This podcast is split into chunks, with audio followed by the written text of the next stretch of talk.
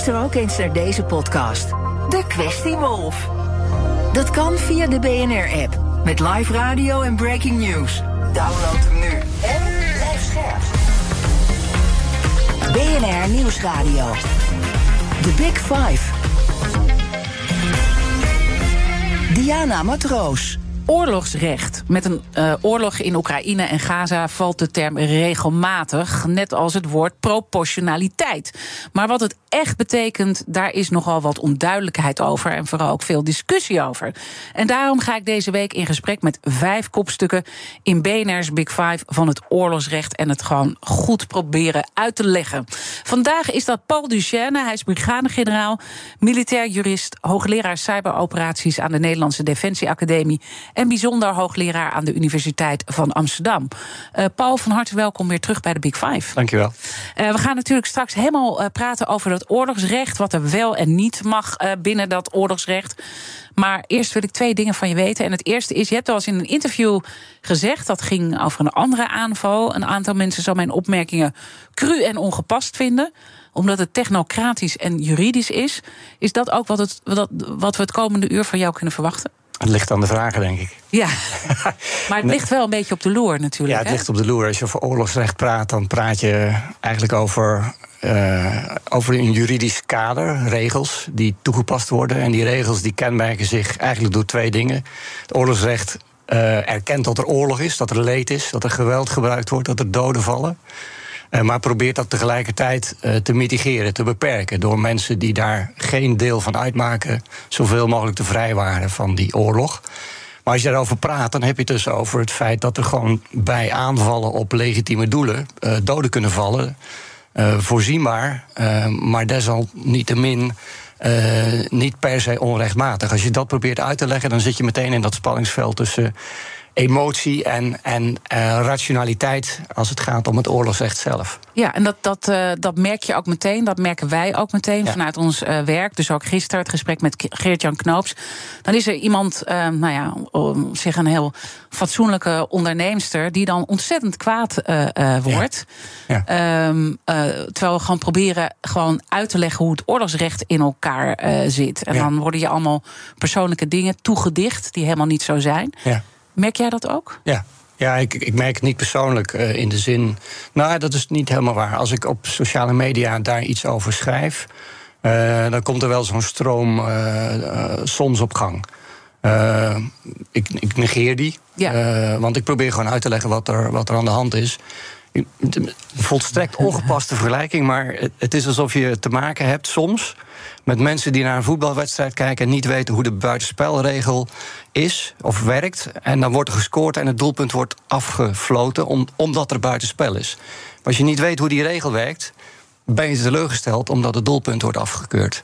Nou, datzelfde ja. uh, heb je hier ook. Terwijl je zegt ook, het is een ongepaste vergelijking, hè, want dit gaat ja. om een oorlog. Ja. Uh, en dan weten we weer dat na een gevechtspauze van een week uh, er weer ge gevochten wordt. Hè? Ja. er zijn weer afschuwelijke aanvallen geweest. Het internet- en telefoonverkeer in de Gazastrook is afgesloten. Betekent bijvoorbeeld ook dat uh, het Rode Kruis uh, zich daar heel erg zorgen over maakt, omdat communicatie met ambulances ja. uh, niet mogelijk is. Als je dat zo allemaal hoort, raakt dat jou nog persoonlijk, zo, wat er allemaal in zo'n oorlog gebeurt? Ja, je wordt er niet vrolijk van. Ik word er niet vrolijk van. want dit, dit is één grote ja, br ja, brok ellende. Ja. Aan allebei de kanten. Uh, maar tegelijkertijd, als ik dan daarover moet vertellen aan onze studenten op de Defensie Academie of aan de Universiteit van Amsterdam, dan, uh, dan blijf ik daar vandaan. En dan leg ik uit hoe dat oorlogsrecht werkt. Hoe oorlog werkt eigenlijk, voor eerst en vooral. Ik begin altijd eerst, wat is oorlog? Ja, en, en wat zeg je dan tegen die studenten als het is, wat is oorlog? Oorlog is uh, geregeld en gereglementeerd geweldgebruik tussen strijdende partijen. En daar horen regels bij.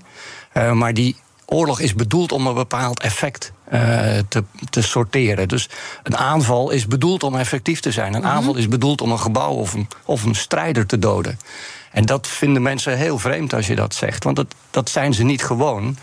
Dat je dat zo vierkant uh, brengt. Een oorlog is lelijk, maar als je dan het over strijders hebt, dan denk ik dat mensen het nog wel op een bepaalde manier kunnen begrijpen. Maar als je het over burgerdoden hebt, en dat is natuurlijk ja. uh, waardoor ik ook die emotionele reacties wel degelijk ook begrijp dat, dat, dat, ja, dat is dat bijna afschuwelijk om dan te zeggen... ja, volgens het oorlogsrecht zou het wel eens uh, uh, kunnen mogen... want dat moeten we altijd uh, nog zien wat een rechter daar uiteindelijk van gaat zeggen. Maar is, is dat dus het probleem ook wat we hier bij de kop hebben? Ja, dat wringt, want burgers mogen niet direct aangevallen worden. Je mag niet een burger aanvallen, gericht. Maar een burger onder het oorlogsrecht kan wel slachtoffer zijn van een legitieme aanval op een strijder of op een object. En uh, ja, dat is het killen erin. En als je dan Israëlische uh, topfunctionarissen hoort zeggen dat uh, één Hamas-doden, dat daarbij twee burgerdoden, hè, want dan kom je in aantallen, dat klinkt dan heel afschuwelijk. Is dat het waard om dat tegenover elkaar weg te strepen? Nou, of dat waard is, dat weet ik niet. Maar dat is wel hoe die proportionaliteitsregel in elkaar uh, zit. Ik, ik, gebruik de disproportionaliteitsregel als term om, om duidelijk te maken dat het een andere proportionaliteit is dan die we in Nederland bijvoorbeeld in het strafrecht kennen. Want dan moet een dreiging en je reactie daarop die moet in evenwicht zijn. Zoals een overval in je huis binnenkomt uh, met, met, een, met, met een honkbalknuppel. Uh, dan mag je daar gepast geweld bij gebruiken om jezelf te verdedigen. Maar de proportionaliteitsregel in het oorlogsrecht gaat over de vergelijking tussen het voordeel wat een aanvaller verwacht te gaan behalen en de nevenschade die daarbij voorzienbaar uh, zal ontstaan, verwacht wordt te ontstaan. En die mag niet in onbalans zijn, die mag niet disproportioneel zijn, die mag niet excessief zijn. En, en dan één dode strijder en versus twee uh, burgerslachtoffers als gevolg van die aanval. Dat, dat is een mathematische simplificatie van de werkelijkheid. Want zo, zo werkt het in, in, de, in de realiteit waarschijnlijk niet. En, en zo kijken wij uh, er vaak wel naar. Hè? Dat merk je ook in uh, de beeldvorming. Ik sprak gisteren ook over uh, met Geert-Jan Knoops, internationaal strafrechtadvocaat. En hij was best wel kritisch ook hoe uh, politici erover uh, spreken, hoe uh, ook experts, want er is ook heel veel discussie onder experts, wat ook iets doet met de publieke opinie. Deel jij zijn kritiek? Hij zegt: het gaat vaak niet over de inhoud van het oorlogsrecht. En er worden soms dingen besproken die binnen dat oorlogsrecht eigenlijk de plank misslaan. Ja, ik vat het nu even samen in mijn eigen woorden hoor. Ja, je moet, je moet uiteraard de regels van het oorlogsrecht begrijpen, dat is één ding. Om, te kunnen, om ze toe te kunnen passen op een echte casus, op, op, een, op een situatie, op een aanval. Maar wat we van die aanval zien, zijn eigenlijk alleen maar de gevolgen van de aanval. Dus je ziet een gebouw instorten, je ziet lijken, gewonden. Uh, maar je weet niet wat het besluit was van degene die die aanval heeft uitgevoerd. En dat is in het oorlogsrecht het enige eikpunt wat je kunt hanteren om iets te zeggen over de rechtmatigheid van die aanval. En die informatie hebben we gewoonweg niet. Dus ieder oordeel wat je velt, uh, is waarschijnlijk veel meer gebaseerd op, op de emotie en, en de schrik en de begrijpelijke. Uh, sympathie die je mm -hmm. hebt voor slachtoffers. Maar we zien natuurlijk heel veel wel. En dat is natuurlijk in, in, in deze tijden van oorlog, vroeger was het anders.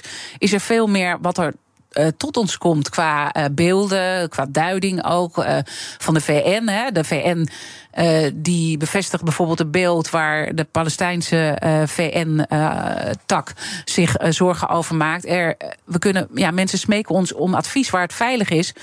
Maar er is niets wat we daarop kunnen antwoorden. Ja, maar dat is, dat is, dat is, dat is zo. Je ziet heel veel. Dat is de, de zegen van de moderne media. Uh, dat je heel veel ziet wat er gebeurt. Daar, daar kun je dus uh, informatie uithalen waar eventueel uh, gebieden zijn die veiliger zijn.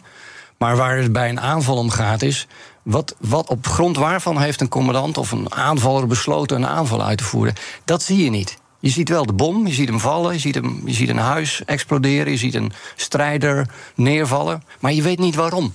En dat is targeting, hè, geloof ik, wat, wat, wat, jullie uh, ja. dan in, in ja. vaktermen dat ja. zo noemen. Dus Aanvallen. Dus welke, welke afwegingen er worden gemaakt. En dan zei je net disproportioneel. Ja. Uh, dat, is, dat is waar ik naar kijk. Uh, wanneer is iets disproportioneel? Als je een militair doel aanvalt, dat kan een strijder zijn of, of een object. Um, en je voorziet, dat moet je checken van tevoren. Je voorziet dat daarbij niet alleen het object of, of de strijder eh, uitgeschakeld wordt. Want dat is de bedoeling van die aanval. Maar dat er voorzienbaar ook nevenschade zal ontstaan aan andere gebouwen of aan andere mensen, burgers bijvoorbeeld. En die moet je inschatten. Je moet inschatten wat het voordeel is van je aanval. Dus als er één kopstuk Hamas eh, uitgeschakeld wordt, maar er worden ook vijf burgers voorzienbaar daardoor geraakt, omdat, die, omdat dat kopstuk in, in een auto zit waar, waar mensen bij in zitten of zo. Dan moet je die ene afwegen tegen die vijf. En die vijf mogen niet excessief zijn ten opzichte van die, dat ene kopstuk. En die excessiviteit, ja, dat is die disproportionaliteit, die kun je niet in getallen uitdrukken. Dat verschilt van, van geval tot geval. Maar geeft daar dan iets meer uh, diepte en achtergrond voor mij bij? Want het, het klinkt zo cru, weet je? Dat je dus eigenlijk dan op zo'n moment... oké, we kunnen één Hamas strijden... en dat betekent ja. uh, dat we nevenschade uh, zullen veroorzaken... en daardoor zullen er waarschijnlijk ongeveer zoveel mensen ja. overlijden. Onschuldige burgers. Ja. Hoe gaat zo'n afweging dan? Nou, dat, daar, is een heel, uh, daar is een besluitvormingsproces voor. Dat heet het targetingmodel. Daar komen die vragen komen daar allemaal in aan bod. En degene die het besluit neemt, die wordt eigenlijk achteraf gespiegeld met een vergelijkbare commandant die zo'n aanval opdraagt in zo'nzelfde soort situatie. Als een rechter daarover moet oordelen, dan spiegelt hij die beslissing van toen aan wat een andere redelijke commandant ook zou doen waarbij je nog steeds zo. Uh, uh, waarbij je nog steeds rekening moet houden dat alles wat het oorlogsrecht aan ruimte biedt, niet per se ook wijs is om te doen. Dus het oorlogsrecht biedt ruimte om een aanval uit te voeren, waarbij bijvoorbeeld collateral damage ontstaat, nevenschade ontstaat. Maar de vraag is of, of een commandant dat ook echt uh, na wil streven, of die dat ervoor over heeft, is waarschijnlijk een betere uitdrukking. Want op de langere termijn zit daar uiteindelijk weer een vrede achter of een wapenstilstand achter. En dan ga je dus met andere dan uh, oorlogsrechtelijke uh, normen, ga je ook nog een keer daarna kijken: oké, okay, het is reglementair, maar, maar wil ik dat operationeel gezien of strategisch gezien ook echt wel accepteren. En, en, en, speelt daar dan het aspect rechtvaardigheid ook een rol? Ja, dat zou je zo kunnen noemen. Dat is, dat is, je, je kunt rechtvaardigheid denk ik uitpellen in... is, is het strategisch wijs? Is het, is het voor de commandant zelf, voor, voor de komende tijd wijs? Is het ethisch uh, verantwoord? Eh, want, want het blijven natuurlijk wel mensen die ja, naar verwachting sneuvelen, die daar niks mee te maken hebben. En als je dan kijkt uh, naar de situatie in Gaza, we gaan het straks ook nog over Oekraïne hebben natuurlijk. Maar valt jou dan iets op dat je denkt: oei, dit, dit is wel erg op de rand wat ik hier nu uh, zie? Als je het vanuit het oorlogsrecht met de disclaimer dat er uiteindelijk straks een rechter is die naar alle feiten gaat kijken, natuurlijk. Nee, het zou arrogant zijn om te zeggen dat ik iets zie wat op de rand is, want ik ken de, de feiten van de aanvallen niet. De Big Five. Diana Matroos. Mijn gast vandaag is militair jurist uh, Paul Duchesne. En uh, die militaire juristen die zijn er ook uh, bij tijdens zo'n oorlog om echt te adviseren over de voorbeelden die jij net noemt. Overigens heb jij dit niet zelf gedaan, hè, geloof ik, echt in het veld. Nee, ik in mijn uitzending was geen gewapend conflict, dus lag die rol heel anders. Ik ben wel uh, met een collega in Afghanistan geweest waar we gekeken hebben naar het oorlogsrecht en hoe dat toegepast werd. Maar ik ben nooit in zo'n targeting-beslissing betrokken geweest. Maar je bent uh, hoogleraar, je weet wel hoe het, hoe het werkt en hoe jouw vakgenoten dat uh, doen. Want die zijn dus wel hierbij betrokken. En eigenlijk wat je tot nu toe schetst, ehm, dat laat ook heel veel ruimte voor subjectiviteit. Ja, wijsheid ook. Ja, en je bent nu ook even uh, stil. Wat betekent die stilte? Nou ja, dat, het, het, komt aan op keuzes die, uh, die mensen nemen. En die, die keuzes, daar moeten ze voor staan. En daar moeten ze ook de verantwoordelijkheid voor willen nemen. En daar worden ze eventueel ook op aangesproken om, om zich te, uh, te verklaren, te verantwoorden waarom ze die beslissing hebben genomen. En dat is niet eenvoudig. En dan, dan ja, voel ik dat, ook een soort frustratie, hè? Want je wil natuurlijk nu iets kunnen stoppen als het niet juist is binnen het oorlogsrecht. En eigenlijk uh, gaat het dus ook om de beslissingen die vooraf worden genomen. Die weten wij allemaal niet. Hè? Dus dat zeg je van, nou ja, daar kunnen we eigenlijk niet uh, over oordelen.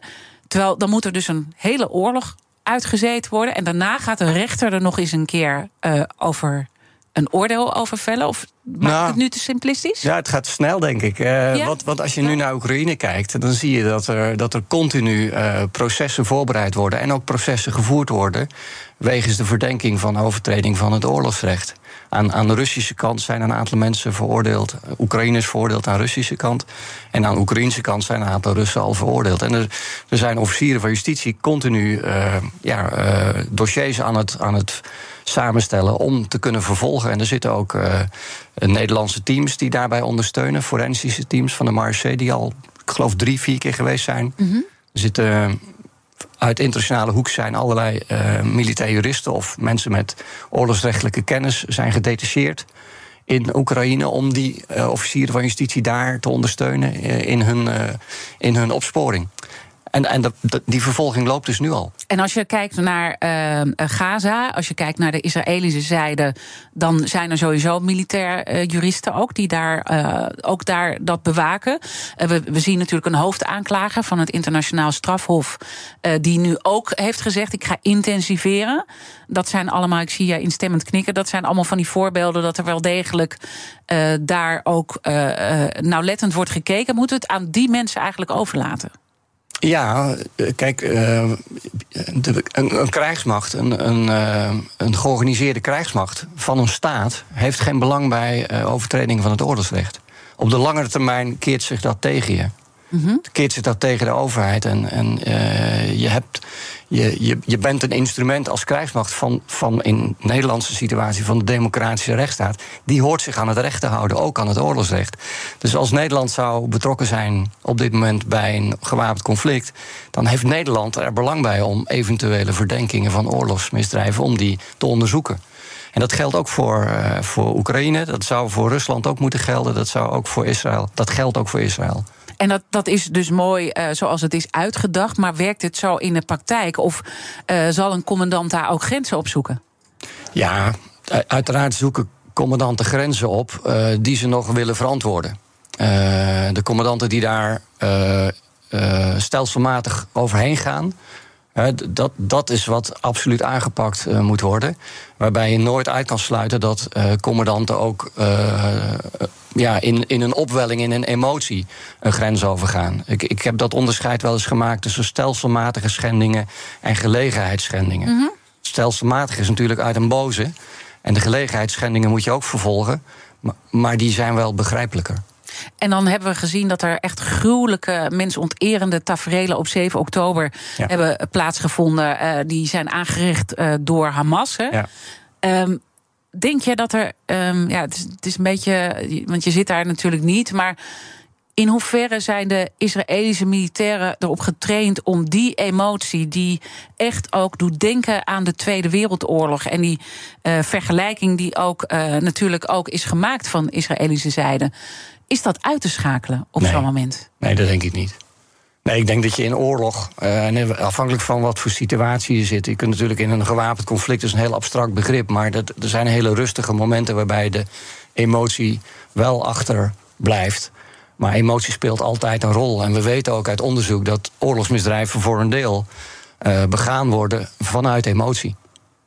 En, en, dat, moet je, en dat, eh, dat weet je dus alleen maar achteraf of dat uh, heeft plaatsgevonden. Als dus een rechter gaat kijken van hoe is dat toen gegaan. En welke afwegingen zijn er in de targeting gemaakt. Ja, ja, en je ja. probeert door training natuurlijk die emotie wel te onderdrukken. Maar uh, ik geef het je te doen als, als er familieleden of bekenden van je zijn omgekomen. en je komt oog in oog te staan in een situatie waarbij je stress, gevaar, uh, tijdsdruk. Uh, nou, ja. Succes. Ja. Uh, ik wil toch nog iets meer gevoel krijgen bij dat targeting. En dan toch. Um, Hoewel ik natuurlijk weet, jij zit daar uh, niet. Hè, maar, dus je kan niet heel hard zeggen wat er daar gebeurt. Maar gewoon eens de overwegingen die mogelijk zouden kunnen spelen. Ja. Uh, en dan zie je nu een verhaal in de actualiteit in de Wall Street Journal. Uh, daarin staat: Israël zou overwegen om zeewater de tunnels onder Gaza in te pompen. Uh, dat zeggen ze op basis van Amerikaanse functionarissen. En het land zou hopen op die manier Hamas-strijders uit de tunnels uh, te, te, te, te drijven.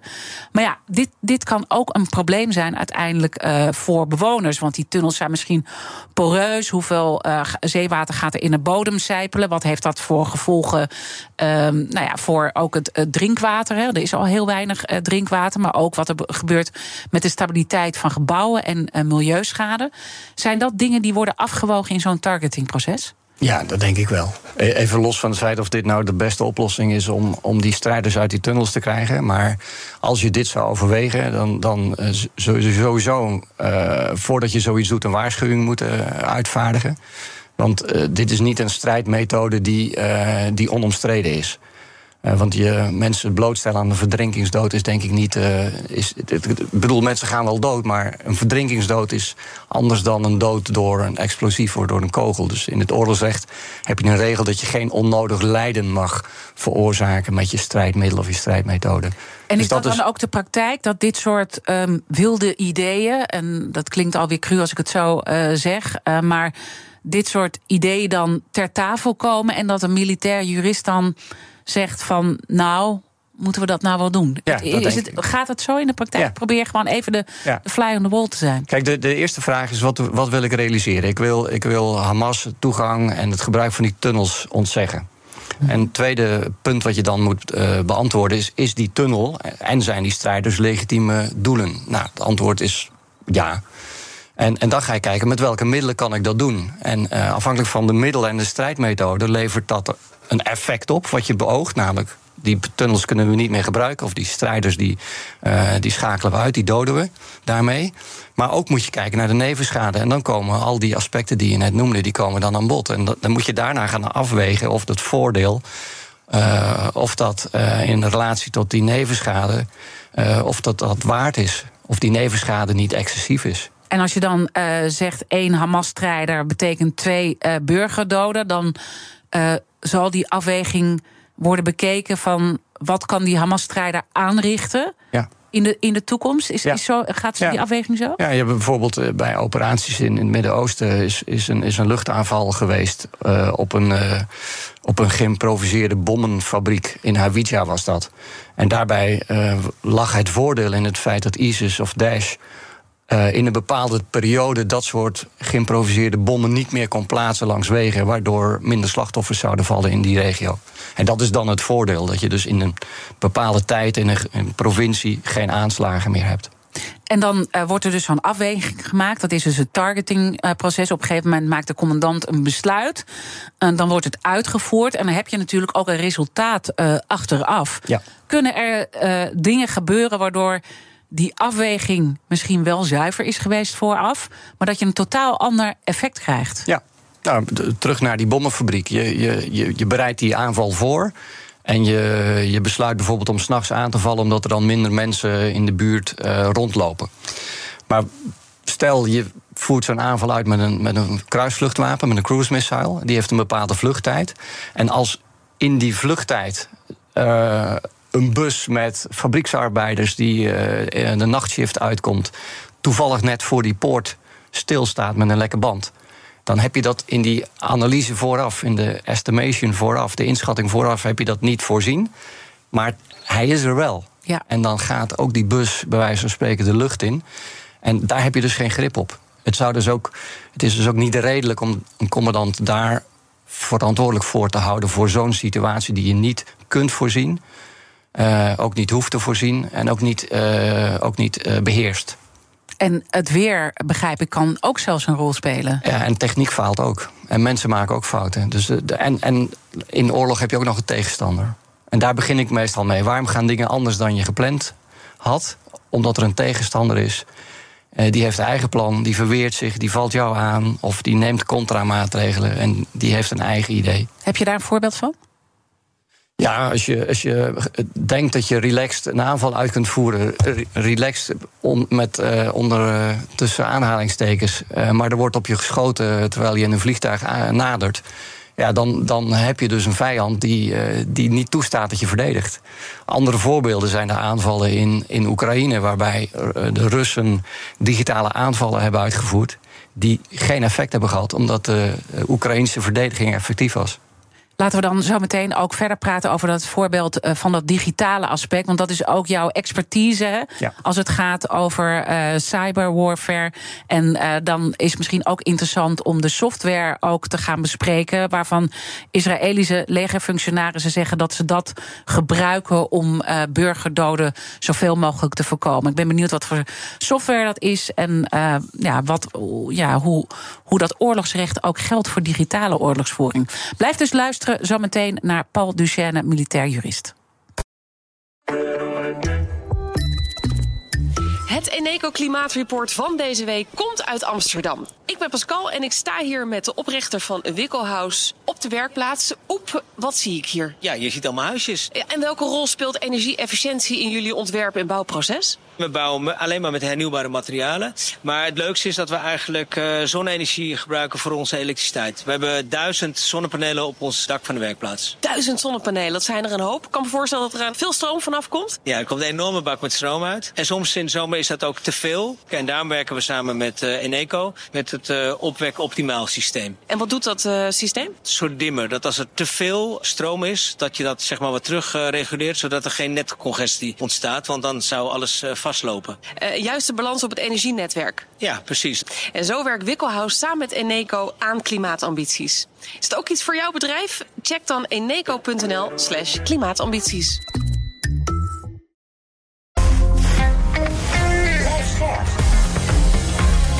BNR Nieuwsradio. The Big Five. Diana Matroos. Welkom bij het tweede halfuur van de Big Five. Deze week praat ik met vijf kopstukken uit de wereld van het oorlogsrecht. Morgen zal ik ook over dit onderwerp spreken met Jan Tijmen Nick Blok. Hij is uh, specialist humanitair oorlogsrecht bij het Nederlandse Rode Kruis. En ze hebben heel veel zorgen natuurlijk over de situatie nu, actueel ook. Mijn gast vandaag is brigadegeneraal Paul Duchesne, militair jurist en hoogleraar cyberoperaties aan de Nederlandse Defensie Academie. Um, we hebben net uitvoerig gesproken over het proces van targeting. En uh, jij kijkt ook als militair jurist van wat. Uh, gebeurt er uh, nou ja, op de grond, de lucht, maar ook uh, digitaal, waar we het nu ook over gaan hebben. Ja. En dat relateer je vervolgens ook aan hè, wat doen de krijgsmachten, maar dat relateer je uiteindelijk aan dat oorlogsrecht. En komend half uur um, wil ik in ieder geval ook met je bespreken hoe dat in het digitale domein werkt, dat oorlogsrecht, en hoe verstrekkend cyber in beide oorlogen ook momenteel is. Uh, maar voordat we dat gaan doen, wil ik nog even afhechten waar we uh, net waren in het gesprek. We hebben heel veel afwegingen besproken en ook militair juristen die echt die commandanten adviseren. En we hebben ons heel erg op Oekraïne en op, op de Israëlische zijde in het Gaza-conflict hebben besproken. Maar hoe zit het aan de zijde van Hamas? Want dat is natuurlijk een, een terroristische groepering. en ja, ik, ik weet niet, hebben die dan ook juristen? Ongetwijfeld hebben ze juristen. Uh, uh, maar, maar ik weet niet of ze, of ze oorlogsrechtelijk geschoolde juristen hebben. Ik, ik vermoed dat ze kennis hebben. Uh, maar waar, waar krijgsmachten een verplichting hebben onder het oorlogsrecht om militair juristen beschikbaar te stellen voor commandanten die, die oorlog voeren. Ehm, weet ik niet hoe Hamas daarmee omgaat. Wat, wat je natuurlijk wel ziet is dat Hamas stelselmatig een aantal schendingen van het oorlogsrecht begaat. En zal zich daar ook over moeten verantwoorden. Um, maar degene die daar wellicht een antwoord op heeft uh, of weet, is, is Lisbeth Zegveld. Want die heeft in haar proefschrift. Uh, heeft ze aandacht of heeft ze onderzocht wat de, wat de verantwoordelijkheid is van niet-statelijke groepen onder het internationaal recht, met name ook in gewapende conflicten. Dus geldt die verplichting om uh, juristen uh, juridische adviseurs met oorlogsrechtelijke kennis beschikbaar te stellen. Geldt die ook voor, voor Hamas? Vraagteken. Uh, ik denk dat ze heel erg doordacht opereren. Uh, het is heel mooi, want we hebben haar natuurlijk uh, deze week ook te gast. Ja, en zij is ook de advocaat uh, van, dit, van dat kort geding. dat door mensenrechtenorganisaties is aangespannen over het leveren van onderdelen voor wapens door Nederland. Hè? Dus dat, dat is ook mooi uh, dat we dat met uh, haar kunnen uitdiepen. Jouw expertise ligt rond het digitale uh, domein. En als we dan kijken naar de oorlogsregels, gelden die ook voor dat domein? Ja. Nou, dat is een heel, heel duidelijk ja. ja. Uh, terwijl als ik uh, kijk wanneer dat oorlogsrecht uh, ontstaan is, misschien is dat nog wel goed. Want jij zei bij mijn studenten ook aan wie ik les geef, begin ik altijd: wat is oorlog? Hè? Terwijl je misschien ja, denkt dat te snappen, maar dat is toch goed om uit te leggen.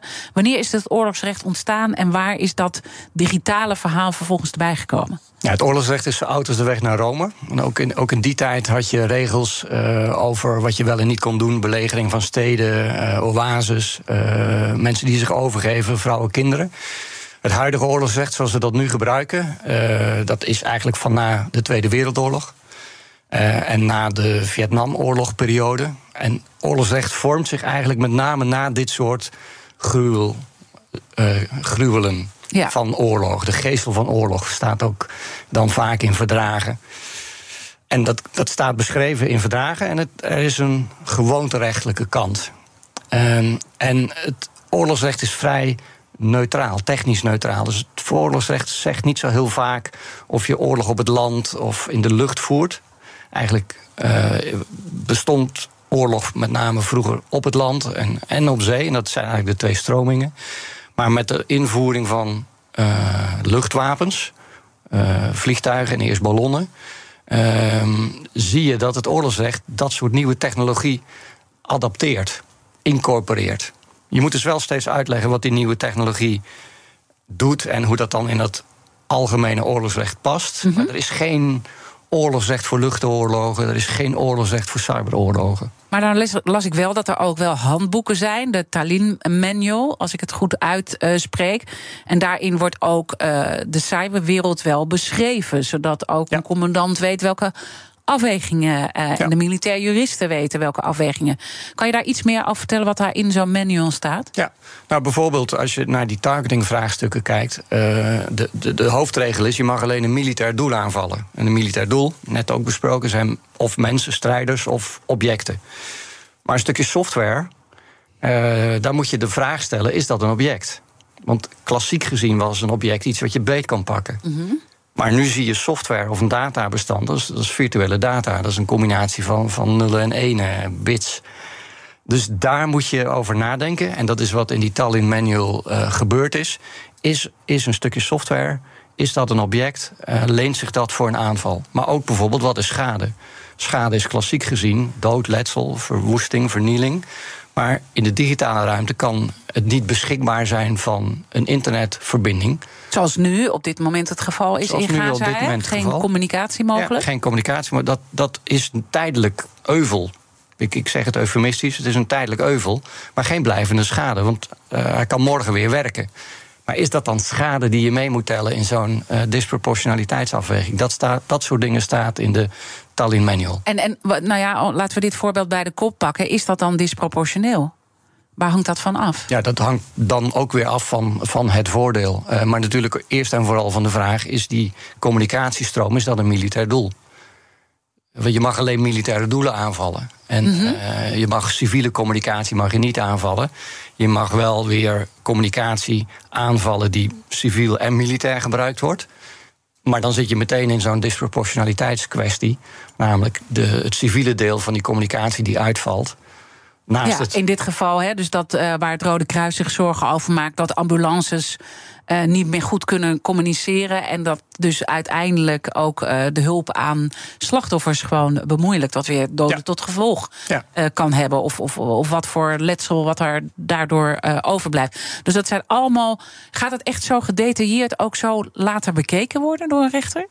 Nou, als er voor een rechter komt, gaat het sowieso gedetailleerd bekeken worden. Ja, ja echt heel minutieus bij dit soort uh, voorbeelden, ook van ambulances die daar dan in meegewogen worden. Ja, je krijgt dan ook wel een heel technisch verhaal over uh, wat is dan uh, schade die onder het oorlogsrecht als nevenschade geteld wordt. Want mm -hmm. dat, is, dat is dan in principe ook weer steeds fysiek georiënteerde schade, fysiek getinte schade.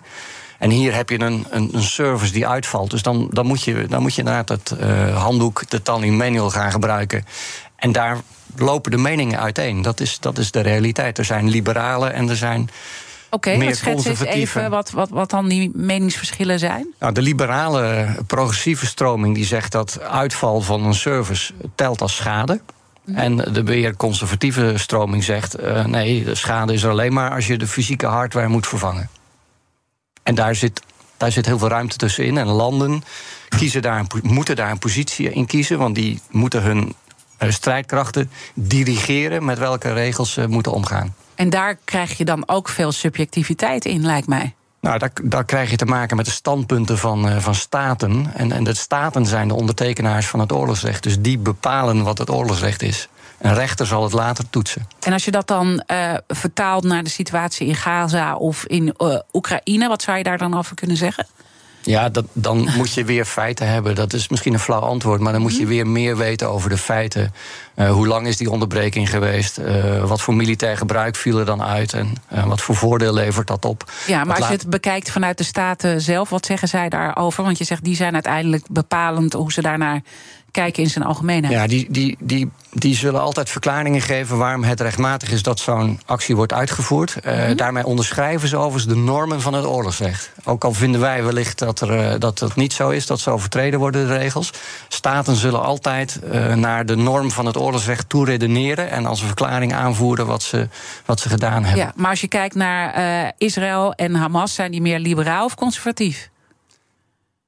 Want dat is eigenlijk Hamas, wat je schetst. Hamas weet ik niet. En, uh, en Israël uh, heeft, afhankelijk van de topics, hebben ze soms een wat progressiever, soms een wat liberaler. Uh, nee, dat is twee keer hetzelfde. Ja. Hebben ze, gaan ze op verschillende topics gaan ze verschillende kanten op.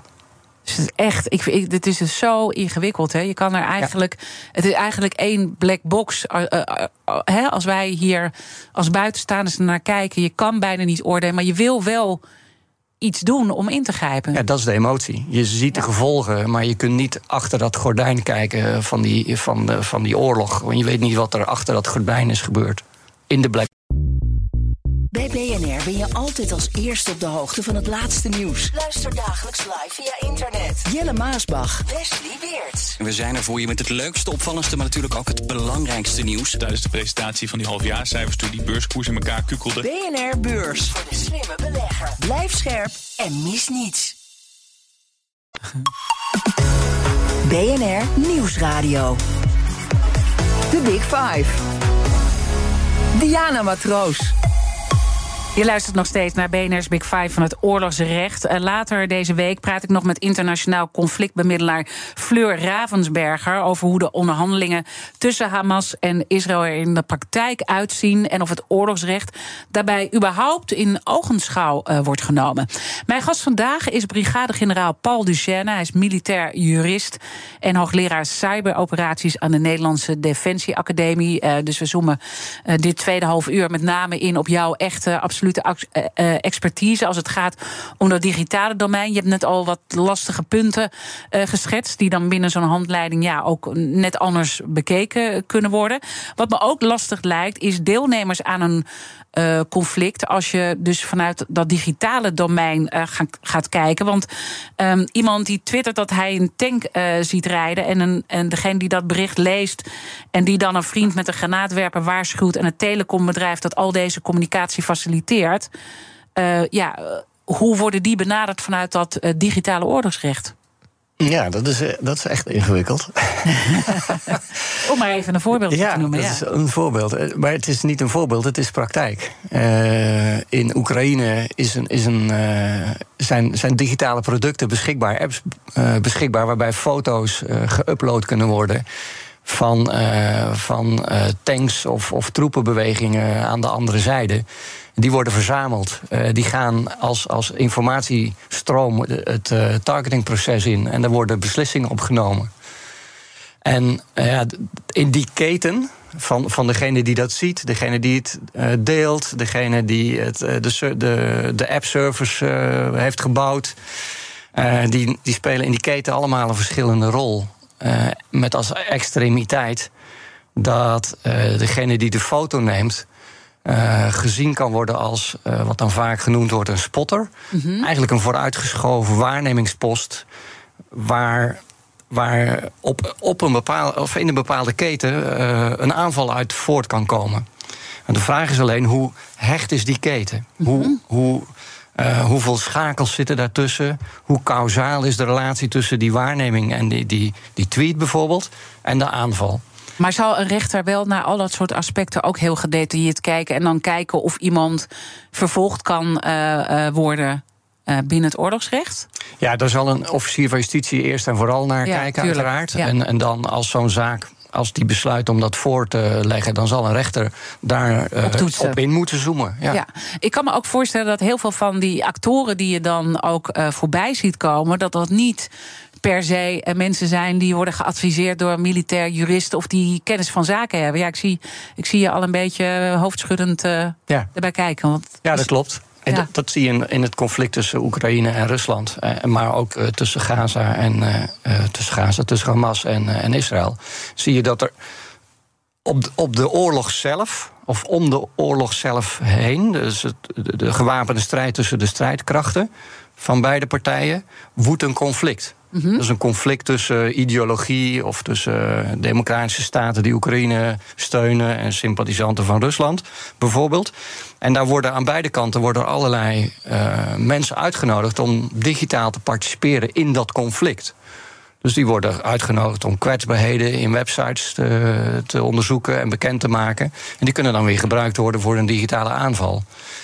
Maar dat is wel een hellend vlak. Ja, ik kan me voorstellen dat je dat uh, zorgelijk vindt en dat het ook verstrekkende gevolgen kan hebben. En daar gaat ook uh, in een andere richting ook de vraag van uh, mijn vorige gast over, Geert-Jan Knoops, internationaal strafrechtadvocaat. En die wilde, dat is de kettingvraag, dit van jou weten. Ik zou professor Duchesne, omdat hij specialist is op het van cyberwarfare, eigenlijk de vraag willen stellen, die ik vrijdag ook in ander verband moest beantwoorden voor een uh, commissie van de Adviesraad Volkenrechtelijke, Internationaal Rechtelijke Vraagstukken. Ziet professor Duchesne in het huidige tijdsgevricht nog een duidelijk onderscheid tussen enerzijds cyberwarfare en anderzijds een gewapend conflict waarop oorlogsrecht van toepassing is, in tegenstelling tot het eerste op dit moment? Of is dit onderscheid wat hem betreft in de praktijk nog slechts artificieel.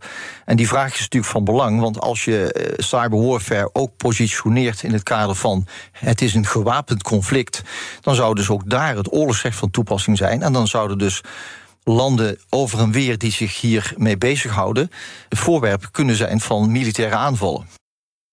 Ja, het is een, uh, het is een, uh, een hele. Complexe vraag. Complexe vraag. En ik hoop dat jij hem kan beantwoorden. Ja, hij, hij, is eigenlijk veel simpeler te beantwoorden dan, uh, dan, dan ik in eerste instantie dacht. Want ehm, een gewapend conflict, dat, dat, is een, dat is een technische term, dat is oorlog. En een gewapend conflict, daar geldt het oorlogsrecht. voor oorlog op het land, in de lucht, op zee, in de ruimte eventueel, maar ook in de digitale ruimte. Dus als we het hebben over digitale operaties binnen een gewapend conflict, binnen een oorlog, cyberwarfare, mm proper, SEC, uh, dan geldt daar het oorlogsrecht op. Zo simpel is het. Wat je hier meemaakt, is dat in de conflictkring uh, eromheen ook digitale operaties worden uitgevoerd. Daar wordt gespioneerd, daar, wordt, uh, daar, wordt daar worden gegevens gestolen en gelekt. Um, daar wordt sabotage gepleegd, daar worden daar wordt gewoon criminaliteit ook bedreven. En, mm en het, uh, cyberwarfare is echt digitale oorlogvoering in een gewapend conflict. En daarbuiten heb je ook digitale operaties die sommige mensen ook digitale oorlogvoering noemen. Maar dat is het technisch gezien en zuiver gezien is het dat niet. Dus bijvoorbeeld het werk van de militaire inlichting en veiligheidsdienst, valt dat er dan buiten of toch daarbinnen? Dat valt er buiten. Militaire inlichtingendiensten of, of inlichtingendiensten in het algemeen hebben als taak om inlichtingen te verzamelen of inlichtingenverzameling tegen te gaan. Mhm. Die voeren geen oorlog strijdkrachten voeren oorlog. Maar als je dan uh, bekijkt vanuit uh, de, ja, eigenlijk, uh, de subopmerking die hij erbij maakt, die ook wel de belangrijke effecten kan hebben, is als je cyberwarfare ook positioneert in het kader van een gewapend conflict, dan zou daar dus het oorlogsrecht van toepassing. Nou, dan zeg je ja. ja. en dan zouden landen die zich hiermee bezighouden, over en weer voorwerp kunnen zijn van militaire aanvallen. Kan je een voorbeeld geven dat Nederland daar dan toch bij betrokken is op een bepaalde manier. Nou, Nederland is daar nu niet bij betrokken, maar als je naar Oekraïne en Rusland kijkt, dan zie je dat er de invasie in 22, 24 februari die ging gepaard met een grote digitale aanval richting communicatiesystemen vanuit Rusland tegen Oekraïne. Mhm. Satellietcommunicatie die ontregeld werd. Dat is dus een deel van het gewapend conflict van de oorlog. En op die activiteiten is het oorlogsrecht van toepassing. Als je kijkt naar het digitale domein, dan is het denk ik ook goed om te kijken naar de beïnvloeding van publieke opinie. Ja. Uh, want dat zien we zeker uh, als het gaat om uh, Gaza, dus Israël-Hamas, volop gebeuren. Valt dat ook onder dat oorlogsrecht? Moeten we de cyber, dat digitale domein echt heel breed zien? Ja, het digitale domein moet je breed zien. Wij onderscheiden zelf binnen de vakgroep krijgswetenschappen op de Defensie Academie, maar, maar ook op de Universiteit van Amsterdam, waar we, waar we promotieonderzoek begeleiden, onderscheiden we harde en zachte cyberoperaties. Mhm. Harde, dat zijn de hacks. Dus het ontregelen van software, databestanden. En de zachte, die gebruiken de digitale ruimte voor die informatiecampagnes. En die zijn van wezenlijk belang in een gewapend conflict. Als je naar Rusland, Oekraïne kijkt. De Achilles, nee, de lifeline van Oekraïne is internationale steun. Dus in het conflict vergaren ze door informatiecampagnes, vergaren ze de sympathie. Die leidt tot internationale steun, die leidt tot wapenleveranties, waardoor Oekraïne uh, weerstand kan blijven bieden aan Rusland. En we zien Zelensky overal, wat een, echt een, een, een marketingmachine is, hè, om Ja. het zo maar uh, te zeggen. Dat is de exponent. Het feit Ja. dat hij nog steeds rondloopt, dat hij kiest waar hij gaat en staat, waar hij hier in het parlement een toespraak houdt, digitaal, is daar een voorbeeld van. Het is hun lifeline. Het is tegelijkertijd ook hun Achilleshiel. Want Rusland zal er alles aan doen om, om die steun eh, eh, te degraderen, af te brokkelen.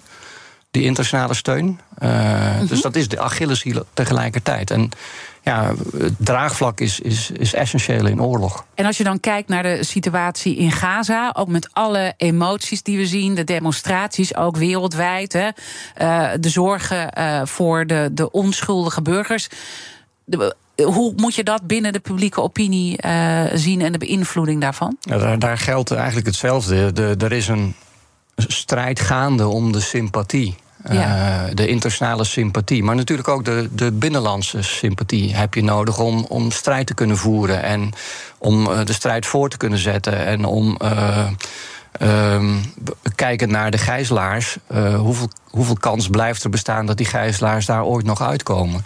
Dat soort vragen, dat, is allemaal, dat zijn allemaal En als je dan Hamas daar uitlicht, eh, zijn die daar heel erg mee bezig om die publieke opinie te beïnvloeden met andere nou, groeperingen die daar mogelijk ook bij helpen? Ik denk, ik denk dat een strijdgroep als Hamas, althans als het beeld wat, wat, wat ik daarvan gevormd heb, is eerst en vooral bezig met de publieke opinie. En daarom eh, handelen ze op de manier zoals ze dat doen. De gruwelijkheden zijn instrumenteel voor hun informatiecampagne. Maar Israël doet dat natuurlijk net zo goed. Of doet dat- Hamas het meer dan Israël, denk je? Ik denk dat, dat het. eh, ehm, bij Hamas is het extreem. Daar dient de fysieke actie eh, van 7 oktober dient het informatiedoel, de informatiecampagne. En ik denk dat Israël meer streeft naar het uitschakelen van Hamas en heeft daarvoor draagvlak nodig. Hebben nog één belangrijke taak eh, te verrichten. Ik had hier graag nog even op doorgesproken. Maar we hebben natuurlijk, morgen heb ik Jan Tijm en Nick Blok, eh, specialist humanitair oorlogsrecht bij het Nederlandse Rode Kruis. Wat zou je hem willen vragen? Nou, dat ligt eigenlijk in het verlengde van de black box die we vandaag eh, hebben proberen te doorgronden. Ehm, oorlogsrecht is een black box, daar moet je verstand van hebben om het te begrijpen. Maar dat geldt ook voor het internationale Rode Kruis. Het internationale Rode Krui- Kruis, merk ik, en de, en de Rode Halve Maan, is een black box voor heel veel mensen. En mijn vraag aan Jan Tijmen is: wat is de rol van het internationale Rode Kruis en wat doen ze dan concreet in Gaza, Israël?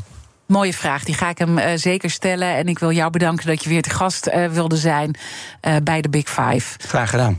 Ehm, Brigade-generaal Paul Duchesne, dus militair jurist en hoogleraar cyberoperaties aan de Nederlandse Defensie Academie, onder andere.